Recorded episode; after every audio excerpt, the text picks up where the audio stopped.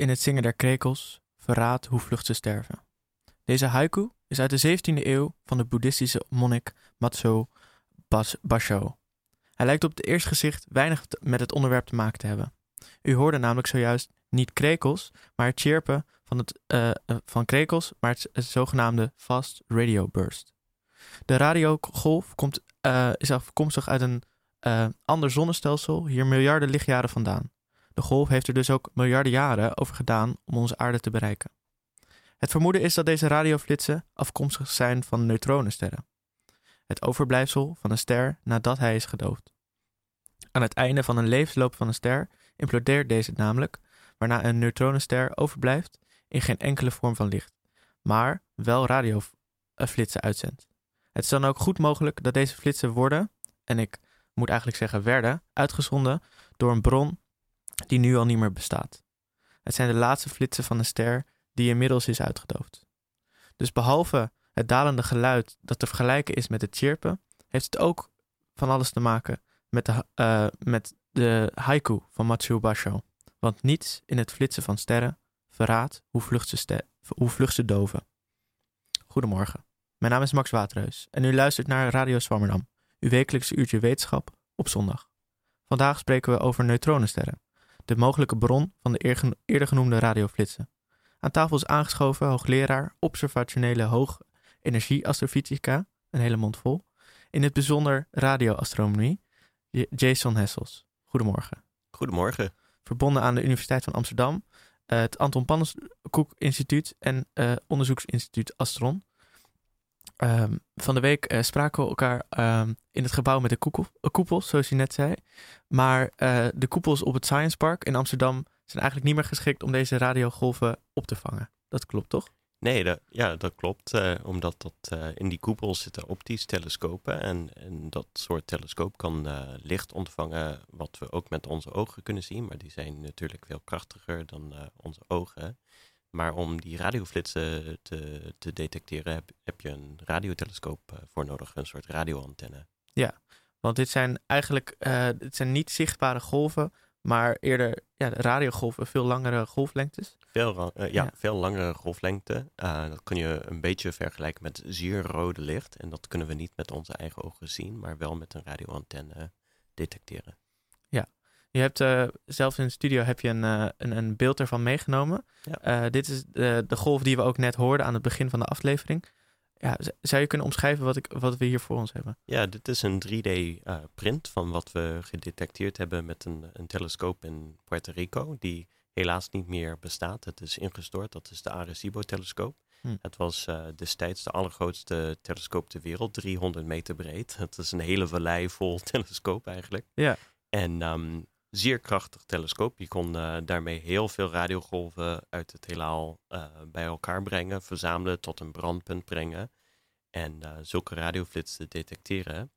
En dat kunnen we opnemen met de computer. We kunnen ehm, kijken naar hoe, hoe helder was dat radioflits tegen de tijd, tegen verschillende golflengten van radiolicht. Ehm, daarmee kunnen we plaatjes maken op een computer, zodat we dat wetenschappelijk kunnen bestuderen. Maar ehm, voor onze outreach-programma hebben we ook een 3D-print daarvan gemaakt. Dus wat ik nu in mijn handen heb, is een 3D-print van, van zo'n radioflits, waar de assen, zeg maar, eh, verschillende reeksen radiogolflengtes zijn, of radiofrequenties, ehm, tegen de tijd. En dan hoe helder die radioflits was op elk moment en elke frequentie. Ja, we zien eigenlijk een hele, ja, een hele steile berg, een hele hoge piek of een ja, omgekeerde ijspegel. Ja. Heel lastig voor de luisteraar te omschrijven, maar ja, met een, eh, een piek die over de tijd verloopt en over verschillende ehm, golflengtes. Ja, en dan kun je ook eh, converteren in een geluid. En dat is wat we inderdaad aan het begin van een programma gehoord hebben. Ja, ja we hoorden ook heel duidelijk ehm, het geluid naar beneden lopen. Ja. Ik weet niet, ik kijk even naar het techniekhoek. Misschien dat het geluid nog een keer afgespeeld kan worden. Ehm.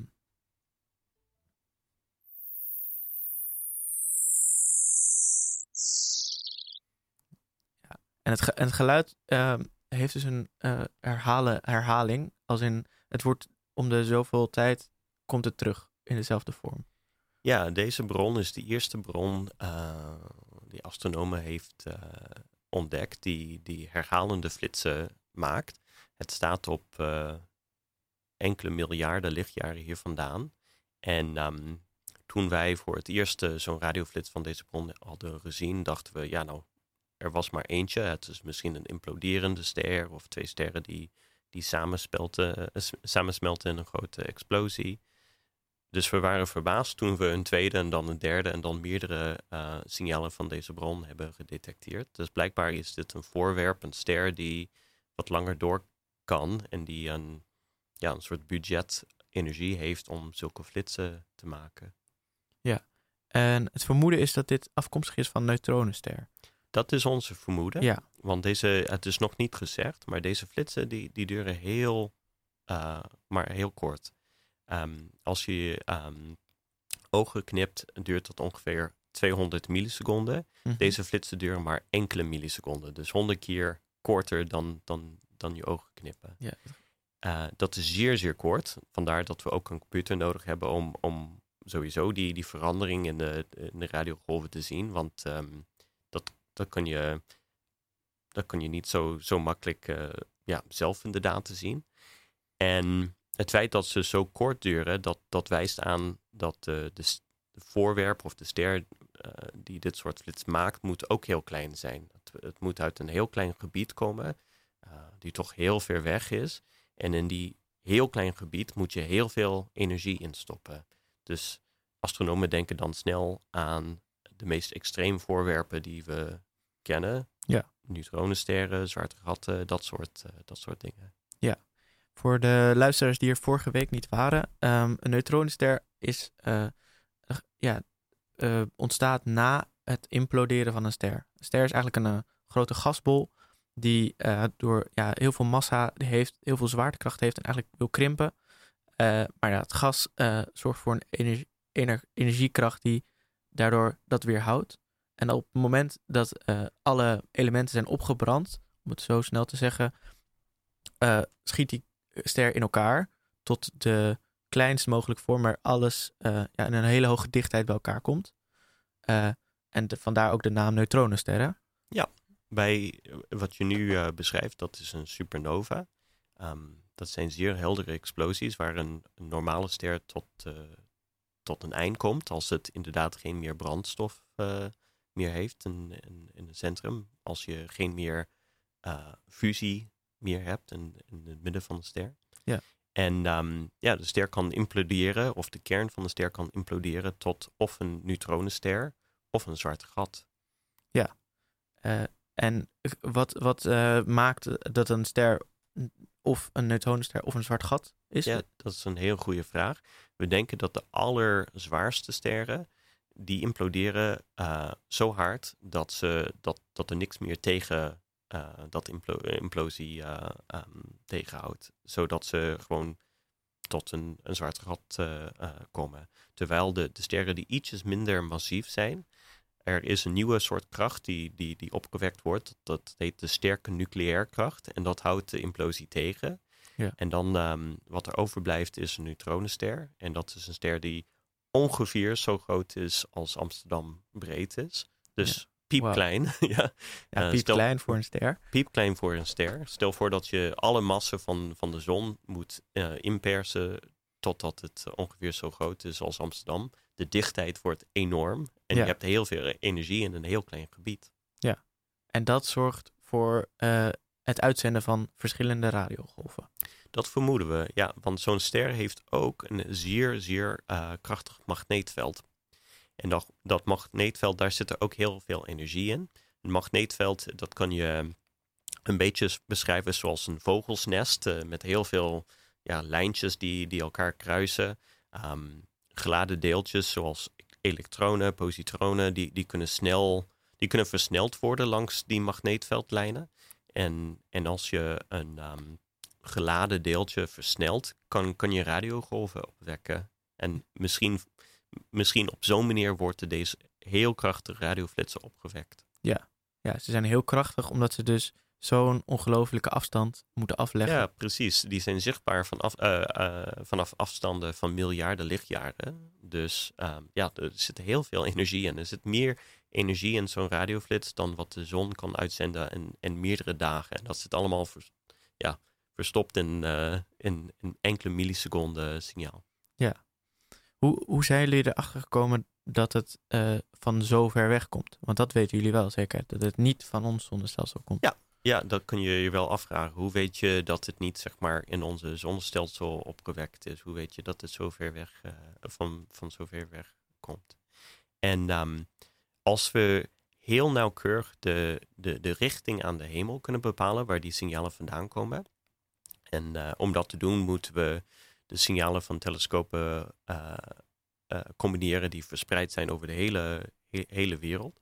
Als, als je dat richting heel goed kan bepalen, dan kun je kijken, ja, wat zit in die richting aan de hemel? En, en dan kun je een heel groot optisch telescoop gebruiken om beelden te maken. Wat, wat, wat zit er in die richting? En, en als je dat doet, dan zie je dat er in dezelfde richting een, een sterrenstelsel is.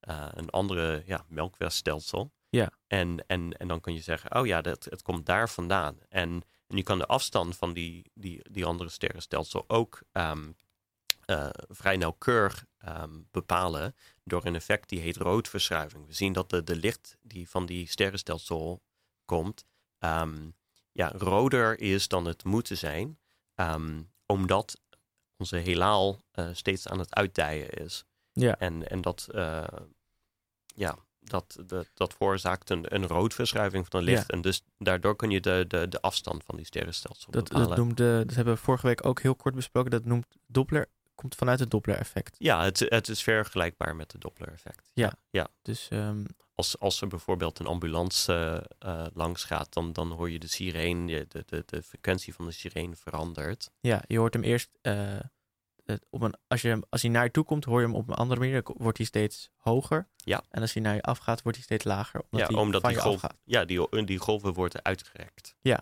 en dat, niet dat van je afgaan, dat je uitrekken van die golven, dat merk je ook bij het zonnestelsel. Ja, en Ja. dat is een manier. En, en hoe, hoe, hoe ver die golven uitgerekt zijn, geeft aan hoe ver weg die sterrenstelsel is. En dus als je weet, ja, die signalen kom- komen uit dezelfde richting als die sterrenstelsel. Die sterrenstelsel heeft een bepaalde afstand. Dan, dan weet je hoe ver weg die, die voorwerp is. Ja, ja. Soms zelfs zo ver weg dat je het niet meer met uh, uh, als licht kan ontvangen. Of, of, uh... Ja, je, je, de sterrenstelsel kan je nog steeds met, met normale licht zien. Soms is dat infrarood licht. Um, Ja. Dus wat roder dan wat we met onze eigen ogen kunnen zien. Um, maar alleen maar een klein beetje vergeleken met, met hoe ver weg uh, die, die radiogolven zit in de elektromagnetisch spectrum. Dat is uh, een, een heel andere soort licht dan, dan wat we met onze ogen kunnen zien. Ja. Hey, je, toen we over neutronen uh, van, van de week over neutronensterren hadden, had je het ook over magnetars. Ja. Wat zijn dat? Magnetars zijn een heel bijzondere soort neutronenster. Um, we denken dat er waarschijnlijk in onze melkwegstelsel zit er waarschijnlijk 100 miljoen neutronensterren. Maar vrijwel al die neutronensterren zijn nu heel oud en die, doen, die zenden weinig licht uit, die, die, die, die wekken weinig energie op. Maar magnetars zijn um, een heel bijzondere soort neutronenster. We kennen maar 30 in onze hele melkweg, dus die zijn zeer zeldzaam. Ja, voor de hoeveel sterren zijn er in onze melkweg? Uh, um, rond de 100 rond de 100 miljard. Ja, dat ja is dus, onvoorstelbaar ja, veel. Dus 30 is, is vrij klein vergeleken met alle sterren in onze uh, melkweg. Um, dus die zijn zeer bijzondere sterren. Misschien een van de allerbijzonderste soorten sterren uh, die we kennen. En dat zijn zeer jonge neutronensterren. Die, die zijn net, net geboren. Die zijn maar ja, honderden of duizenden jaar oud. En dat is best wel jong voor een, voor ja. een ster.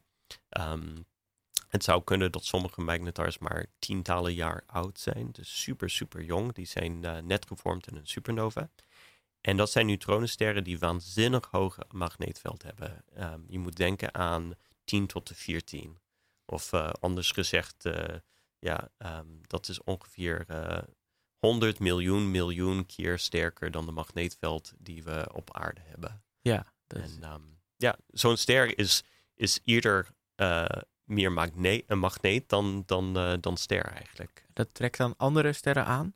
Het trekt uh, geen andere sterren aan, maar in, in die magneetveld zit er waanzinnig veel energie uh, opgeborgen. En ehm, nogmaals, als die magneetveldlijnen elkaar kruisen, dan, dan kan, kan dat opgeborgen energie verlost worden. En dat, eh, zie je dat dan in een andere soort flitsen die ze uitzenden? Wij, ehm, de, de magnetars die we in onze melkweg eh, kennen, die, die maken soms grote uitbarstingen. Soms zijn die uitbarstingen te zien eh, in, in röntgenstraling. Dat is een andere manier ehm, eh, om, om het heelal te bestuderen. Er zijn, ik, ik ben zelf radioastronoom. Ik gebruik radiogolven. Er zijn natuurlijk astronomen die optisch licht gebruiken. Maar er zijn ook astronomen die röntgenstraling gebruiken Ja, om dat het is- heelal Is dat, dat nog langere golven zijn dat? Nee, röntgenstraling is zeer, zeer korte golflengte. Heel, heel hoge energie. ja.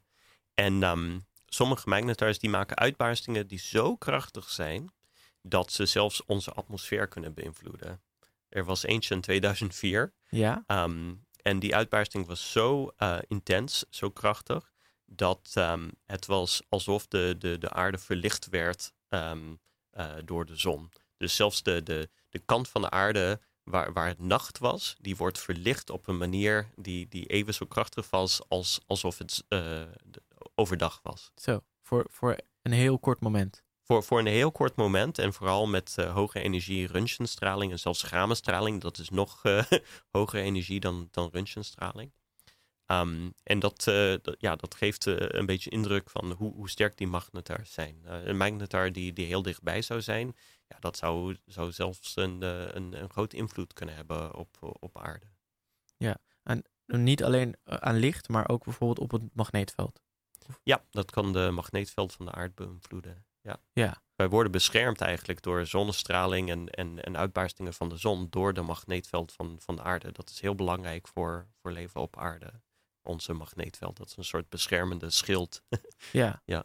Speelt het dan, eh, ik zit nu te denken aan het, ja, dat het als het een van de mogelijkheden is waardoor eh, het leven op aarde mogelijk is, als er dan een, als er meerdere magnetars in ons zonnestelsel dan 30 zouden zijn, zouden dan ook, dat zou dus mee hebben gespeeld in of er leven mogelijk zou zijn.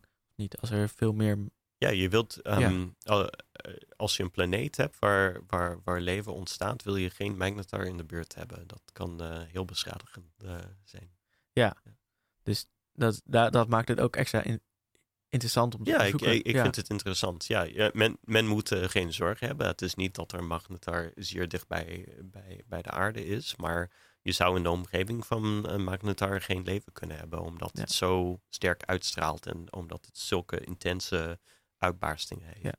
Dus eh, misschien werd eerder gedacht dat het, oh, een radioflits van een ander zonnestelsel, dat klinkt heel erg als, goh, misschien is dat buitenaards leven. Maar eigenlijk moeten we nadenken over dat het eigenlijk het tegenovergestelde is. We weten dat daar waarschijnlijk vanuit die magnetar geen leven... eh, Niet, niet in de, niet in de buurt. Nee, ja. niet, in, niet in de buurt. Het zou natuurlijk kunnen dat er andere planeten zijn in die sterrenstelsel, maar niet in de buurt van de magnetar zelf. Ja. en eh, de magnetars hebben bij, kennen ook een patroon, sommige flitsen. Sommige wel, ja. Ja. Ehm, er zijn magnetars in onze melkwegstelsel die, die natuurlijk veel dichterbij zijn dan, dan die, die radioflitsen van andere sterrenstelsels. Die Ja. zijn maar op duizenden lichtjaren, dus die zijn in dat zin eh, veel dichterbij. Ehm, en, en sommige van die magnetars kan je zelfs de rotatie van de magnetar zien. Dat, ehm, het is een roterende bol. Ehm, die roteert misschien elke eh, vijf seconden, tien seconden. Dat is Heel Ook snel. Heel Ja. snel. Hè? Ja. De zon eh, doet eh 26 dagen daarover om één rotatie te maken. En dit maakte één rotatie. En, eh, een magnetar maakte een rotatie binnen 10 seconden. Dus dat is super snel. Ehm, en bij sommige magnetars kun je een flits zien elke 10 seconden. Een beetje zoals een vuurtoren die, die rondrijdt. Dan, dan zie je dat bundel licht die uit de vuurtoren langs zwiept. Dat zie je elke, bij elke rotatie, elke, elke 10 seconden. Oké, dat is een verklaring voor het patroon. Dat, eh, Ja, we denken dat het. ehm, ehm, eh, ja, het- je, je- je kan ook denken aan iemand die zeg maar een, een zaklamp eh, vasthoudt en die gewoon rondrijdt. En dan, dan zie je elke, bij elke rotatie van die persoon gewoon de zaklamp wijst naar je toe en dan, dan, dan zie je een flits. Ja. Kan je, kan je dan zeggen dat een, een magnetar of een neutronenster een richting heeft? eh, of een, een voorkant die de hele tijd ronddraait? Eh, we denken dat die, die licht komt van de magneetpool van, van, van zo'n eh, van zo'n neutronenster. En ehm, ja, de, de- het simpelste geval, je kan denken aan een, een magneet met een Noordpool en een Zuidpool. Dus een Ja. ster heeft ook een Noordpool en een Zuidpool. En van beide polen wordt, er, wordt er licht uitgezonden. En op die manier, dat draait rond. En dan hebben we op een gegeven moment hebben we de pluspol in zicht. Of Ja. de minpol. En dan, Ja, en dat zien we alleen maar als die, als die pool langs eh, richting aarde zwiept. hoe, hoe is dit eh, de afgelopen 10, 20 jaar? Je doet vooral onderzoek in eh ook Dwingelo, Mhm. Westerbork. telesco- daar staan 13 teles 14 telescopen nu. Ja, bij Westerbork staan er 14 telescopen. Ja. Ehm, en dat gebruiken we ehm, zowel. ehm, we gebruiken zowel die, die telescopen ter plek om zulke studies te doen, maar we gebruiken die telescoop, eh, telescopen ook in combina- combinatie met andere radiotelescopen over Europa, zelfs in Afrika en Azië, om, ehm, zoals ik eerder zei, om de richting van die flit- flitsen zeer nauwkeurig te bepalen. Ja, dat wordt echt een soort samenwerking dat ze allemaal de, dezelfde kant op staan. Ja, die, die telescopen in, in Westerbork en in andere landen, die kijken allemaal naar eh, dezelfde richting.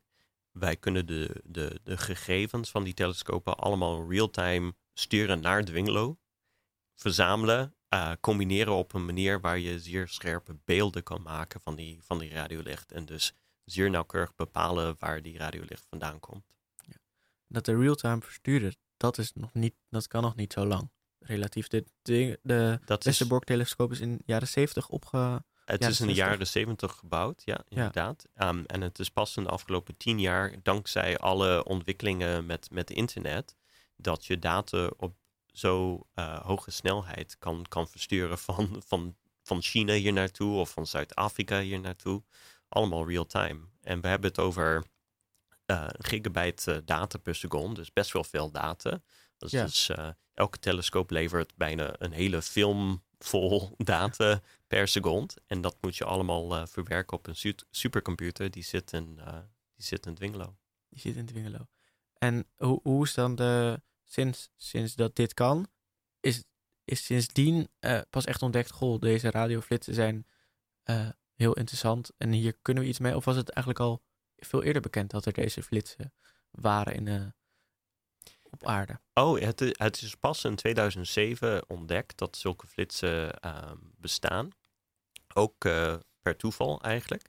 Er was eh, een onderzoeker, Dan Lorimer, een, een collega van mij, die, die werkt in Australië. Ehm, of hij was aan het waarnemen in Australië. Hij werkt nu in de, de VS eigenlijk. En ze waren op zoek eh, naar nieuwe pulsars. Dat, dat zijn ook neutronensterren, maar, maar veel minder krachtige neutronensterren in onze eigen melkweg. En hij werkt samen met een student om, om nieuwe pulsars te vinden. En die student heeft eigenlijk per ongeluk eh, een beetje verder gekeken dan, dan de moeite waard was. Want ze waren alleen maar zoek naar, naar pulsars in onze eigen melkwegstelsel. en de nabijzijnde zogenaamd eh, satellietsterrenstelsels van de melkweg. Die heten de Magellanische wolken. Ehm, en eh, de student heeft de data verwerkt op een manier die misschien meer computerkracht kostte dan de moeite waard was. Een beetje verspilling van computerkracht. Maar per toeval heeft eh, een, een flits ontdekt die, die veel verder weg was dan verwacht. En eh, ja, dat is een heel, heel grote ontdekking.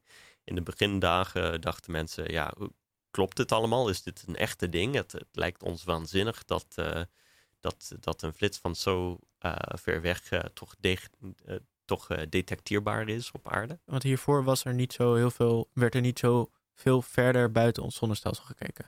M- Men hebben het een paar keer geprobeerd, maar ehm, ze dachten, ja, nou, dit, dit heeft weinig nut. De pulsars zijn zo zwak. Hoe gaan we ooit een soort pulsarachtig signaal zien van miljarden jaren, mil- miljarden lichtjaren weg? Dat, dat kan gewoon niet. Dat verwachten we niet. Dus het heeft weinig nut om dat te doen. Ehm, maar dat gebeurt vaak in de wetenschap. Hè? Eh, iemand kijkt op een andere manier dan, dan, eh, dan het gewone. En, en dan zie je ineens iets wat, wat onverwacht is. En dat zijn de, de grootste ontdekkingen. Het, Gewoon per ongeluk een beetje net te veel, net te, ja. ja, ja. Ehm, zo zijn pulsars ook eh, ontdekt in de jaren 60 eigenlijk. Eh, ehm, men waren op zoek naar eh, scintillatie, dat is een soort fonkelen van radiolicht. Ehm, en ze wou dat, eh, dat effect bestuderen. En ze hadden een telescoop gebouwd die veel sneller kon meten dan, dan, dan voor, voorgaande telescopen. Ja. En, en ze, ze hebben de pulsaties van de pulsars eh, ontdekt en daarmee de Nobelprijs ge- gewonnen. Ja, dus misschien moeten we een nog grotere telescoop met nog op overdrive laten gaan en dat we nog iets vinden. Ik ben een groot voorstander van eh, als, als je iets leuks wilt doen, kijk naar, naar het heelal op een manier die nooit eerder gedaan is. Dan zijn de kansen goed dat je misschien iets eh, kan ontdekken die, die niet verwacht is. En dat, ge- dat gebeurt nu op eh, ja, eigenlijk versnellende schaal, omdat we heel snel data kunnen verwerken. Ja, dat wordt inderdaad heel veel geholpen door ehm, alle ontwikkelingen in computertechnologie, AI, machine learning. Dat helpt enorm met het doorzoeken van data. Dan hoef je het niet allemaal door studenten of met de ogen Ja. te bekijken. Je kan een computer gewoon de gegevens laten bekijken. En de computer kan zeggen, nou kijk, kijk dieper naar deze stuk data, want daar lijkt er iets interessants te zijn. Is dat ook al de bijvoorbeeld afgelopen vijf jaar echt heel erg veranderd? De afgelopen vijf jaar is dat ook erg veranderd. Ja, we, we gebruiken steeds meer machine learning en AI-technieken om, eh, om groter volume data eh, te bekijken. En, ehm, en, ehm, en, en, en ook gewoon op andere manieren de data te, te bekijken. Oké. En eh, op wat voor manier speel je als onderzoeker dan zelf nog een, een rol eh, in het ki- bekijken van de data? De, ongelukjes eh, worden niet zo snel door een computer gemaakt. Ja, dat is dus een heel goede punt. Ehm, als je bijvoorbeeld eh, machine learning gebruikt, moet je een algoritme ehm, trainen om, Ja. om, om de data te bekijken. En, en daar zitten allerlei aannames in. En, en je kan inderdaad ehm, eh, op zo'n manier alleen maar dingen vinden die, die lijken op de dingen die we al weten. Hoe, hoe vind je de dingen die niet lijken op eh, wat we Ja. al weten? Ja, en dat is, dat is een kunst. Ehm, je kan bijvoorbeeld ehm, eh, simulaties maken van dingen die, die mogelijk eh, ehm, bestaan. En dan door de data kijken, ja, hebben we iets gevonden die daarop lijkt of daarop lijkt. Dus dat, dat kan je door simulatie een beetje, een beetje verder gaan. Maar het, is, eh, het is inderdaad een, een groot probleem. Hoe, hoe vind je dingen die, die niet verwacht zijn? Want je kan niet zo snel zeggen, hoe, zie, hoe, hoe zien die dingen eruit? Ja, Ja. is toch wel blijft weer gebaseerd op wat je al eerder kent, wat je al eerder weet. Ja, onze aannames, onze ehm, biases, eh, die, die spelen een grote rol. Ehm, maar ehm, we doen onze best om, om, Ja. om toch wel verder te, te komen. Heeft, heeft u een voorbeeld van eh, uw eigen onderzoeksgroep, hoe u, hoe u dat probeert te verwerken? Ehm, ja, één, één, één voorbeeld is ehm, we, die- eerste bron van eh, repeterende flitsen. We waren op zoek naar een, eh, naar een effect eh, die heet de rotatie van Faraday. Dat is een effect op de radiogolf. Ik ga er niet diep ingaan, maar het is een effect waarmee we de, de magneetveld ehm, eh, tussen ons en, en, en die bron kan detecteren. Het is een effect die al honderden jaar geleden is voorspeld door Michael Faraday, een heel beroemd eh, Engelse wetenschapper. En we, we konden die effect niet, eh, niet vinden. We dachten, ja, het, het moet er wel zijn, het moet er wel zijn. En ik had op een gegeven moment eh, tegen een student gezegd, nou, kijk, kijk, kijk gewoon naar waanzinnige ehm, grote waarden van, van, van die effect. Misschien is er wel, maar misschien is het zeg maar honderd keer groter dan we zouden verwachten. Ja, het kost computergeld, kost tijd. Ja, eh, dat een beetje zoals het in 2007 ook ja, een beetje, Ja. een beetje. Ja, oké, maar het is gewoon computertijd, dus doe maar. En hij zat in, in mijn kamer. We waren eh, over iets anders, eh, anders aan het praten. En terwijl we aan het praten waren, kwam, kwam een grafiek op zijn computer, gewoon automatisch op, want die programma was klaar. En we zagen een piek in de data en we dachten, "Huh, wat is dit nou? En het was een enorme piek. En de waarde van die piek was inderdaad ongeveer 100 keer groter dan we zouden verwachten. We dachten, oh, het was echt een eureka moment. En, eh, en, en vaak gebeurt eh, het andersom. Je, je doet zoiets, een, een waanzinnige gok, en dan komt er gewoon niks uit. Ja. uit. En dat doe je honderden keer en dan komt er gewoon niks uit. Maar af en toe komt er iets heel leuks uit. Ja. En dat is, ja, dat is een mooi voorbeeld van laten we het toch wel proberen. Er komt waarschijnlijk niks uit, maar toch wel deze Ja. keer. Dat is ook het, het, lastige van dit, het onderzoeken, omdat je ja, heel fundamenteel bezig bent. Ja. Eh, en daardoor, ja, heel, eh, je bent heel ver weg eh, bezig met onderzoek, wat ja, heel lastig is uit te leggen aan het, qua ma- maatschappelijk effect, bijvoorbeeld direct. Terwijl als je iets ontdekt, dan kan dat een heel grote invloed hebben op al het onderzoek daarna. Ja, ve- veel van wat wij doen, ehm, de maatschappelijke en technologische ehm, consequenties, die komen maar 50 of 100 jaar later aan.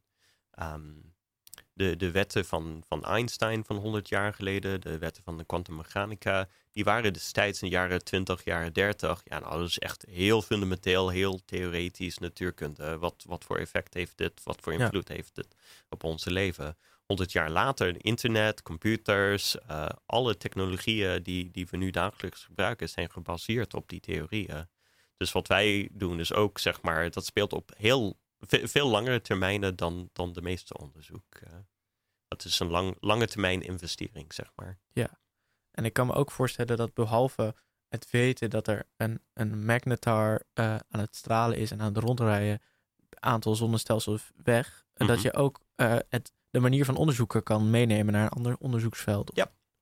Ja, en veel van onze studenten, mensen die ooit een masters hebben gedaan of een PhD hebben gedaan, die blijven niet allemaal in de sterkunde. Sommigen wel, maar ander, andere mensen eh, gaan in, eh, in data science en die ontwikkelen andere technieken. Want dit zijn mensen die, die heel goed zijn in het oplossen van problemen, onderzoeksproblemen, waar we niet van tevoren de, de antwoord weten. Op een andere manier naar kijken, de dataset. ja, die kunnen heel creatief zijn. Die hebben heel sterke wiskundig en eh, wetenschappelijke eh, vaardigheden. En, en die kunnen in het algemeen een, probleem pakken en een oplossing vinden. Oké, we zijn halverwege. We gaan zo naar het tweede deel. U luistert naar Radio Swammerdam. Mijn naam is Max Waterreus en vandaag spreek ik Jason Hessels, eh radioastronoom over neutronensterren. Ehm, u doet onderzoek aan de, eh, onder andere de telescopen bij Westerbork, bij Dungelo in de buurt. Ja, en ook de LOFAR-telescoop. De LOFAR-telescoop. Ja, dat is een, een platte telescoop. Dat is een telescoop die geen, ja, het is geen eh, schotel zoals de, de schotels in Westerbork. Geen satellietschotel. Ehm LOFAR is op een andere manier eh, gebouwd. En het is een, je kan denken aan een veld waar, waar heel veel ehm, eh, antennes uit de, de grond komen. Ja, het ziet er een beetje uit als een, als een, een weiland met zonnepanelen. Ziet het er bijna, Een beetje. Zo ziet het eruit. Ja, zo ziet het eruit. En die, eh, die radioantennes die, die, die, die, die vangen elke eh, wat radiogolven op. En, en dan kunnen we nogmaals ehm, met, ehm, met kabels die, die signalen allemaal bij elkaar brengen. En we kunnen op een, een soort digitaal manier die signalen combineren alsof ze allemaal eh, ontvangen zijn door, door een radioschotel.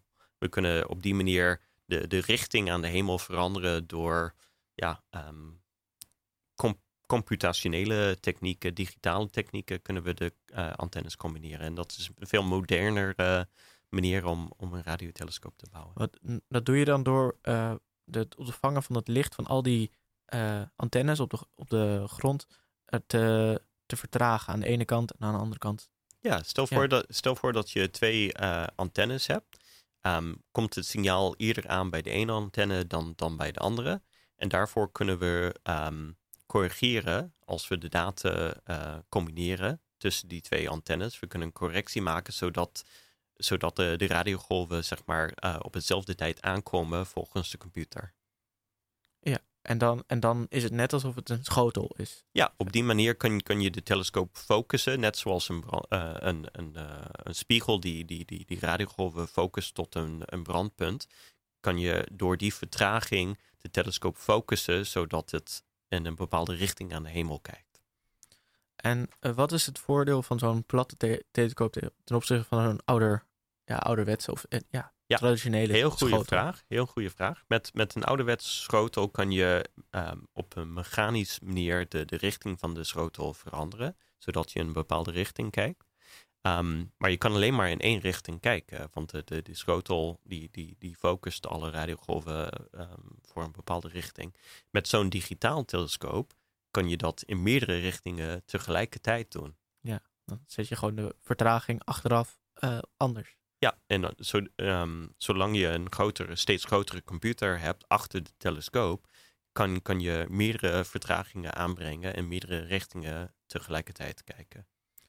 Kunnen dan ook verschillende onderzoeksgroepen tegelijkertijd kijken. Ja, en dat wordt uh, echt een, een, groot thema. Niet alleen maar in de radioastronomie, maar in de astronomie in het algemeen. Wij proberen meerdere experimenten tegelijkertijd uh, te doen met dezelfde data, met dezelfde telescoop. Dus je, je vangt uh, de radiogolven op. En die worden verwerkt op zeg maar twee, drie, vier, zelfs vijf of zes verschillende manieren. Zodat je tegelijkertijd vijf of zes uh, radioastronomen blij kan maken met data die, die dient hun experiment en die dient hun hypothese te testen. Ja. Met de, de traditionele schotels is er nog steeds een tijdverdeling. Dus met de 14 schotels in Westerbork is er verdeeld onder, per onderzoeksgroep? Hoe, kan ik dat voor, het beste voorstellen? Uh, om dat te doen moet je een voorstel schrijven. Um, uh, wetenschappers schrijven um, een voorstel om te zeggen: we, ik, ik wil wat tijd hebben op die telescoop. En als ik die tijd uh, krijg, dan ga ik deze voorwerp bekijken. Ik ga de data analyseren op deze manier. En ik verwacht dat dit eruit zou komen of dat ik deze theorieën kan testen. Um, dat, uh, dat telt voor de meeste telescopen. Dat telt ook voor, voor LOFAR eigenlijk. Uh, dat er zeg maar een soort competitie is. Dat wetenschappers uh, proberen een, een, een deel van de tijd van die telescoop te krijgen. Ja, dat hoeft nu niet meer. En dat zorgt misschien ook voor. Ja, je kan meer mensen ja. blij maken als je meerdere dingen tegelijkertijd kan doen. Of die mensen kunnen meer doen omdat ze meer um, toegang hebben naar de telescoop. Een nog grotere dataset. Misschien dat we dan de volgende radioflits... Ja, dan, dan wordt de grote uitdaging, hoe, hoe verwerk je al die data? Je, je moet met steeds uh, slimmere uh, algoritmen komen, zodat je de data sneller kan verwerken. Ja, en dat kost vooral, uh, vooral nu heel veel computerkracht. Heel veel computerkracht. En um, en we zijn consequent bezig om, om te kijken naar hoe, hoe kunnen we dit allemaal versnellen. Want uh, computerkracht is ook, dat kost ook energie. En energie wordt steeds duurder. Ja. En dus we kijken naar nieuwe soorten uh, computers, zoals uh, GPU's. Dat, dat wordt gebruikt in, in, gaming heel vaak. En dat is ook voor de, veel van onze analyse heel um, heel handig eigenlijk. Je kan de data veel sneller verwerken met veel minder energie als je GPU's uh, gebruikt. Ja, GPU's ja. zijn normaal voor videospelletjes. Ja, die zijn normaal voor videospelletjes, maar heel veel van de, de wiskundige bewerkingen die, die er nodig zijn voor uh, video of uh, videospelletjes zijn ook zijn ook hetzelfde voor het verwerken van radioastronomische data. Dat is wel een heel interessante oplossing. Misschien ook dat er dan daardoor uh, straks ook beter video, betere videospelletjes zijn, uh, te maken Ja, het, zijn. Kan, het kan twee kanten op. Twee kanten Al, op. Ja, als je, als je nieuw, een nieuwe algoritme uh, verzint voor, voor de wetenschap, die kunnen ook, ook natuurlijk gebruikt worden voor andere dingen in de samenleving. Ja, en we hadden het aan het begin over de, de koepel in het Science Park. Die kan, ah, nou, natuurlijk, het is een optische telescoop. Die, die, die wordt niet gebruikt voor radioflitsen. Maar ook als er een ja, net zoiets als een LOFAR-telescoop op het Science Park zou staan, zou dat waarschijnlijk niet zoveel uitmaken voor de metingen. Of het zou, het zou niet uh, handig zijn voor de metingen, omdat het uh, Science Park te druk bevolkt is met ja, allerlei andere manieren van straling. Ja, we willen graag wat radioantennes zetten op de dak van Science Park. En waarschijnlijk gaan we, gaan we dat toch wel doen voor, voor wat onderwijs en outreach activiteiten. Maar inderdaad, het is niet dat je alleen maar radiogolven ziet uh, vanuit het heelal. Er zijn helaas heel veel uh, verschillende soorten radiogolven opgewekt door menselijk gemaakt technologie. Denk aan wifi is een heel mooi voorbeeld. Ja. Um, uh, men zijn heel vaak bezig met een mobiel telefoon. Um, er reizen radiogolven heen en weer van, van de zender naar, naar je telefoon en, en, en weer terug. Um, dat zien we niet met onze ogen, maar dat is een enorm vervuiling van, van, de, van de spectrum. Dat zien we met radiotelescopen.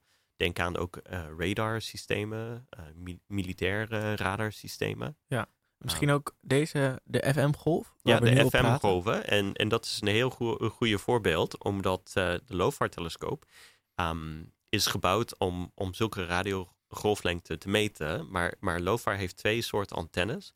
Eentje zit net onder de, de frequentieband die we nu gebruiken. De 99,4 is het. Ja, ja, klopt. Ja, Dus we, we zenden nu uit op 99,4 megahertz. LoFar zit uh, net daaronder en ook net daarboven. Want het is vrijwel onmogelijk om het heelal te zien op dezelfde frequentie als Salto gebruikt. We zitten eigenlijk heel hartstikke in de weg voor het onderzoek. Ja, het is, het is zo fel. Je moet denken aan ja, dat, dat uh, die, die radiozenders, um, die, die zijn zo fel vergeleken met hoe, hoe, hoe sterk um, die radioflitsen zijn en andere um, radiosignalen uit het heelal. Uh, het heelal is gewoon niet te zien. Je bent blind voor. Ja, en dat is dus ook een reden waarom jullie in Drenthe gaan zitten. In een uh, gebied waar het zelfs verboden is om je telefoon te gebruiken. Dat klopt. Ja, ja. dat klopt. En dat helpt enorm. Um, als je denkt aan, uh, stel voor dat je een optisch telescoop zou hebben en dan, dan zit je net onder een, een straatlamp uh, naar de sterren te kijken. Je gaat heel weinig zien. Je gaat alleen maar die straatlamp zien. Dus we moeten uit de buurt van, van mensen zijn om, om het heelal te zien. Ja, en één mobieltje kan, al, kan daarin al... Ja, dat kan al behoorlijk veel uh, invloed hebben. Zo. Um, want radiotelescopen zijn waanzinnig gevoelig. Heel, heel gevoelige instrumenten. Ja, en zeker omdat zo'n flits van zo ver moet komen. Ja. Kan ik me voorstellen, is helemaal uit, uitgekleed, uitgedoofd tot een heel klein licht. Ja. Ja, ja je noemde net een mobiel telefoon. Een mobiel telefoon op de maan zou al sterker zijn dan alle andere radiobronnen die, die ja, van een natuurlijke oorsprong uh, zijn. Zo. Dat zou Ja. zo fel zijn. Zelfs één mobiel telefoon op de maan. Op de maan. Ja. Op de maan. Op Ja. de maan. Ja. Het, dit was een aantal jaar geleden was het voorstel van een Nederlander om een schotel op de maan neer te zetten. En niet op de voorkant, maar op de achterkant. Op de achterkant. Ja. Eh, met het idee, dan kunnen we alle radio eh, eh, vervuiling eh, ja, ehm, Blokkeren. blokkeren. Ja, dat is een heel goed idee. Ehm, de achterkant van de, van de maan, dat staat altijd aan de, eh, de overkant. Het, het wijst nooit naar, naar de aarde toe. Eh, en dus dat is eigenlijk de enige plek in onze hele zonnestelsel die beschermd is door menselijk gemaakt, eh, voor menselijk gemaakte radiostraling. Ja. Zelfs op Mars zou je de aarde zien als een gloeiende radiobron, omdat er zoveel menselijk gemaakte radiogolven zijn. Maar aan de achterkant van de maan ben je beschermd daarvoor. Ja, dat is heel erg. ehm, eh, dus niet alleen dat het de, de, de golven, de radiostraling van de aarde tegenhoudt, maar ook ehm, omdat het geen atmosfeer heeft. Dat klopt toch? En dat is ook een groot voordeel. Want ehm, kijk, de, de, de LOFAR-telescoop die kan eh, radiogolflengte meten die de, de allerlangste zijn die, die we op aarde kunnen meten. Tot aan 10 megahertz. Dus dat is ongeveer 10 keer langere golflengte dan, dan Salto. Ja. Hè? Maar onder de 10 megahertz, die radiogolven, ehm, die worden wel opgewekt ehm, in het heelal door sterren en sterrenstelsels. Maar die lange golflengte, die kunnen we niet vanaf ehm, de aarde zien, omdat ze gereflecteerd worden door onze atmosfeer. Dat is een laag die heet de ionosfeer. Dat is een geïoniseerde laag in Ja. onze atmosfeer. En, en, en dat, eh, dat werkt zoals eh, ja, een soort spiegel die, die, eh, die lange golflengte reflecteert. En, en daardoor is de maan, ja, heeft een soort, eh, Ja. heeft die spiegel niet. En daar kan daardoor onvervuild die radioflitsen bekijken. Ja, dus we zouden het heelal kunnen bestuderen op een nieuwe manier op de, de aller, aller, aller, aller langste radiogolflengte. Ja. Nou, laten we hopen dat dat snel gebeurt. Ja, het, eh, het zal heel kostbaar zijn. iets bouwen op eh, de achterkant van de maan. Maar het heeft wetenschappelijke voordelen, dat zeker. Ja, en ehm, wat ook meehelpt met die, niet meehelpt met de straling zijn alle eh, satellieten die we ooit de, de ruimte in hebben gestuurd. Ja. Eh, moet ik dan ook denken aan de straling van een mobieltje? Of is dat? Dat, eh, ja, en dat wordt steeds erger, omdat er soort constellaties, ehm, satellieten worden nu gelanceerd voor, voor internet. Dat je niet je internet van een, een, eh, een radioantenne krijgt op, op aarde of, of, een, eh, of door een vezel, maar van een hele netwerk van honderden, zelfs duizenden satellieten. En ehm, ja, dat, eh, dat is zowel schadelijk voor, voor optische metingen, want die, die reflecteren zonlicht, dus die lijken een beetje op sterren. Oh ja. Ehm, maar die, die zenden ook radiostraling uit. En dan, dan heb je gloeiende, bolle eh, radiostraling eh, over je heen. En, en daar, daardoor kijken en, de, en de, de rest van het heelal zien, dat wordt een steeds grotere uitdaging. Dus er zijn veel gesprekken daarover. Hoe, hoe kunnen we hier omheen? Hoe kunnen we die satellieten bouwen zodat ze minder schadelijk zijn? Ja. Wat, wat voor voorbeelden voor oplossingen zouden daar zijn?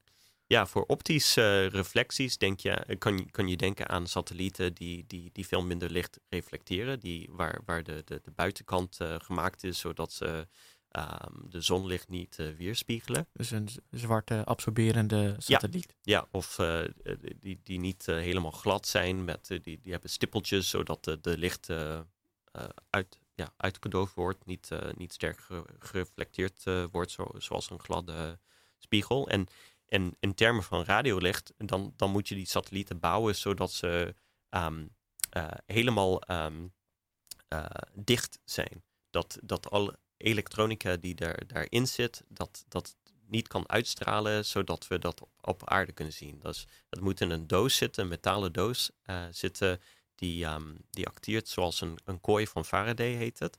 Um, want als je bijvoorbeeld een mobiel telefoon zou zetten in, in een doos die helemaal uit metaal gemaakt is, ja. dan kan hij niet meer ontvangen of zenden. Die radiogolven die worden gewoon gereflecteerd in, in dat doos. Ja, dat en, alleen als hij helemaal afgesloten is. Ja, hij moet, het moet helemaal afgesloten zijn. Uh, het moet uh, geen kiertjes zijn tussen de, de panelen.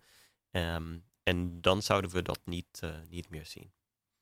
En dat hangt het nog af, een, een bepaalde dikte of een bepaald materiaal dat ja, het, uh, het is niet uh, technologisch onmogelijk. Ik, ik, denk dat het probleem eerder is, het is altijd goedkoper om, om iets te maken op een snelle ja, manier die, die van minder kwaliteit is. En het kost altijd meer geld om iets te maken van hoge kwaliteit die goed gebouwd is. Ja. Maar als je het op een goede manier zou bouwen, dan, dan zou het voor, voor de astronomie veel, veel beter uitpakken. En uh, uh, zijn er nog andere manieren om bijvoorbeeld een fysieke, dat je afspreekt dat op een bepaald punt boven de aarde geen satellieten komen?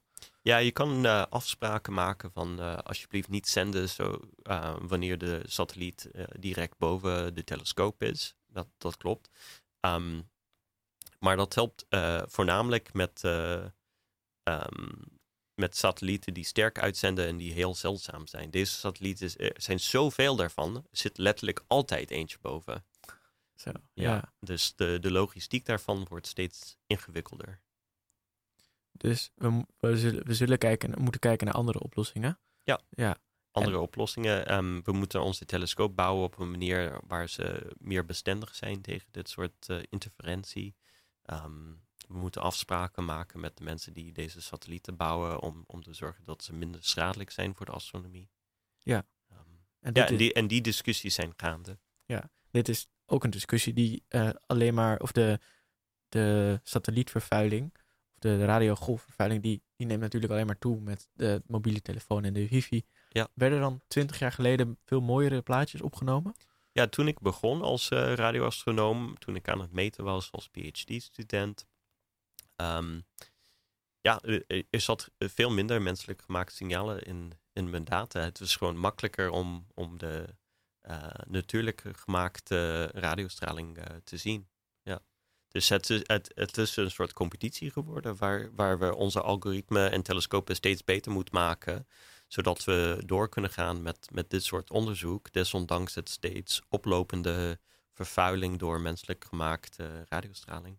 Ja, en uh, als ik het goed heb begrepen, is uh, uh, het, het, signaal wat we opvangen, zelfs als we dat doen aan de achterkant van de maan, altijd vervuild door alles waar, waar de radioflits doorheen gaat. Of ja, het niet, ja, vervuild is misschien niet het goede woord, maar het gaat natuurlijk door allerlei verschillende massa's en het wordt vertraagd. Het gaat niet altijd door een vacuüm.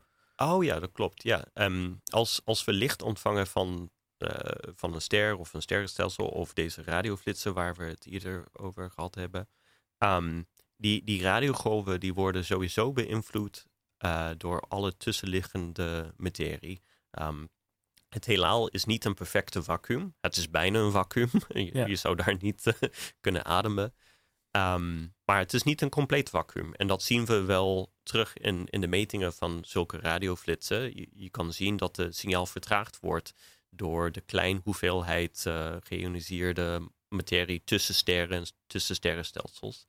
En, uh, en, dat is, uh, en dat is juist heel mooi, want op die manier hebben we een nieuwe methode om, om, om dat materie te bestuderen. Een beetje zoals iemand een zaklamp zou schijnen van de andere kant van een veld. En dan zou je de mist tussen jou en die persoon zien. Wat niet ja. eerder te zien is. Dus dan gebruiken jullie de, de herhalende flitsen om te bekijken wat er tussenin zit. Ja, we kunnen de, de hoeveelheid materie tussen sterren en tussen sterrenstelsels zien. Dat materie wordt gebruikt voor de volgende generatie sterren. Dat materie blijft over van de oerknal. Um, maar het zendt uh, geen uh, licht uit zelf. Sterren zijn heel uh, heet, dus die gloeien. Die radioflitsers, die maken radioflitsen, die kunnen we detecteren. Maar dat wolken, gas tussen sterren, die, die, die, die zenden geen licht uit. Dus het is vrijwel een, van de, de weinig manieren waarmee we dat materie kunnen bestuderen. En dat materie heeft een heel groot invloed over de evolutie van, van onze sterrenstelsel en, van het heelal in het algemeen. Ja, op wat voor uh, verschillen zie je dan per radioflits? Als je, kan je dan de lengte, of ik denk aan vertraging, is, wordt het dan langer, zo'n flits? Ja, zo'n zo flits, um, wij, meten nooit op alleen maar één radiogolflengte. We meten over een reeks radiogolflengte. En we zien dat de, de korte radiogolflengtes, uh, uh, die komen eerder aan dan de langere radiogolflengtes. En dat vertraging kan heel groot zijn. Het kan meerdere seconden zijn. Dat is al duizend keer langer dan, dan uh, hoe lang de, flits zelf duurt. Met de LOFAR-telescoop kan het zelfs minuten of een uur lang vertraagd worden. En, en wat geeft dat aan? De hoeveelheid vertraging, dat komt overeen met de hoeveelheid materie tussen ons en, en die radioflitser. En dus op die manier hebben we per flits een meting van hoeveel materie zit er tussen ons en die voorwerp um, in een bepaalde richting ja. aan de hemel. Dat is dus ook de reden waarom het uh, geluid wat we aan het begin van de aflevering hoorden, uh, een dalende, dalende toon heeft. Een beetje eerst nee, niet exact. Dat niet. Nee, okay. niet exact. Um, ja, dat is misschien verwarrend. We, we hebben deze effect, die heet dispersie, al gecorrigeerd in die, in die data. Maar we zien toch wel, of we hoorden toch wel dat het naar beneden ging. We denken dat dat effect nog een, een, een soort pro propagatie-effect is. Um, we denken dat die flits zeg maar opgewekt uh, wordt dicht bij de ster. Maar naarmate die, die flits gebeurt, komt, komt die straling van, uh, steeds verder weg van, van de ster. En als het uh, van steeds verder weg van de ster komt, dat, dat de radiogolflengte naar beneden gaat. En dat zie je ook um, bijvoorbeeld, we krijgen ook radioflitsen van de zon. En, ja. en dat soort effect zie je ook in radioflitsen van de zon. Dat, dat je hebt een soort uitbarsting energie die dicht bij de zon begint. En voordat het allemaal klaar is, um, is, is dat uh, gebied waar die, die licht gemaakt wordt verplaatst naar verder ja, weg van de zon. Uh, of ja, steeds hoger uh, altitude, zou ik het noemen. Ja. ja. Ik, uh, ik zie Momo druk zwaaien in, het, in de techniekhok. ik, we, we, gaan afronden. Ik wil allereerst Jason Hessels bedanken. Dank u wel. Je bent uh, verbonden aan het Astron, maar ook het Anton Pannenkoek Instituut. Uh, als je meer wil weten over Fast Radio Birds, zou ik zeker aanraden om uh, de site astrofresh-frb te opzoeken. Als je dat googelt, kom je tot een GitHub-site uh, met alle info over de, de onderzoeksgroep. ik wil graag Momo Schaap danken voor de techniek. Heeft u vragen of opmerkingen? Stuur ons gerust een bericht via social media of mail naar radioswammerdam.gmail. Op Instagram, Twitter en LinkedIn kunt u ons volgen voor om nooit meer iets te missen van Radio Swammerdam. Deze uitzending wordt uh, vanmiddag geüpload op alle podcastkanalen. Um, en ik wens u nog een fijne zondag. Mijn naam is Max Waterreus en u luistert naar Radio Swammerdam.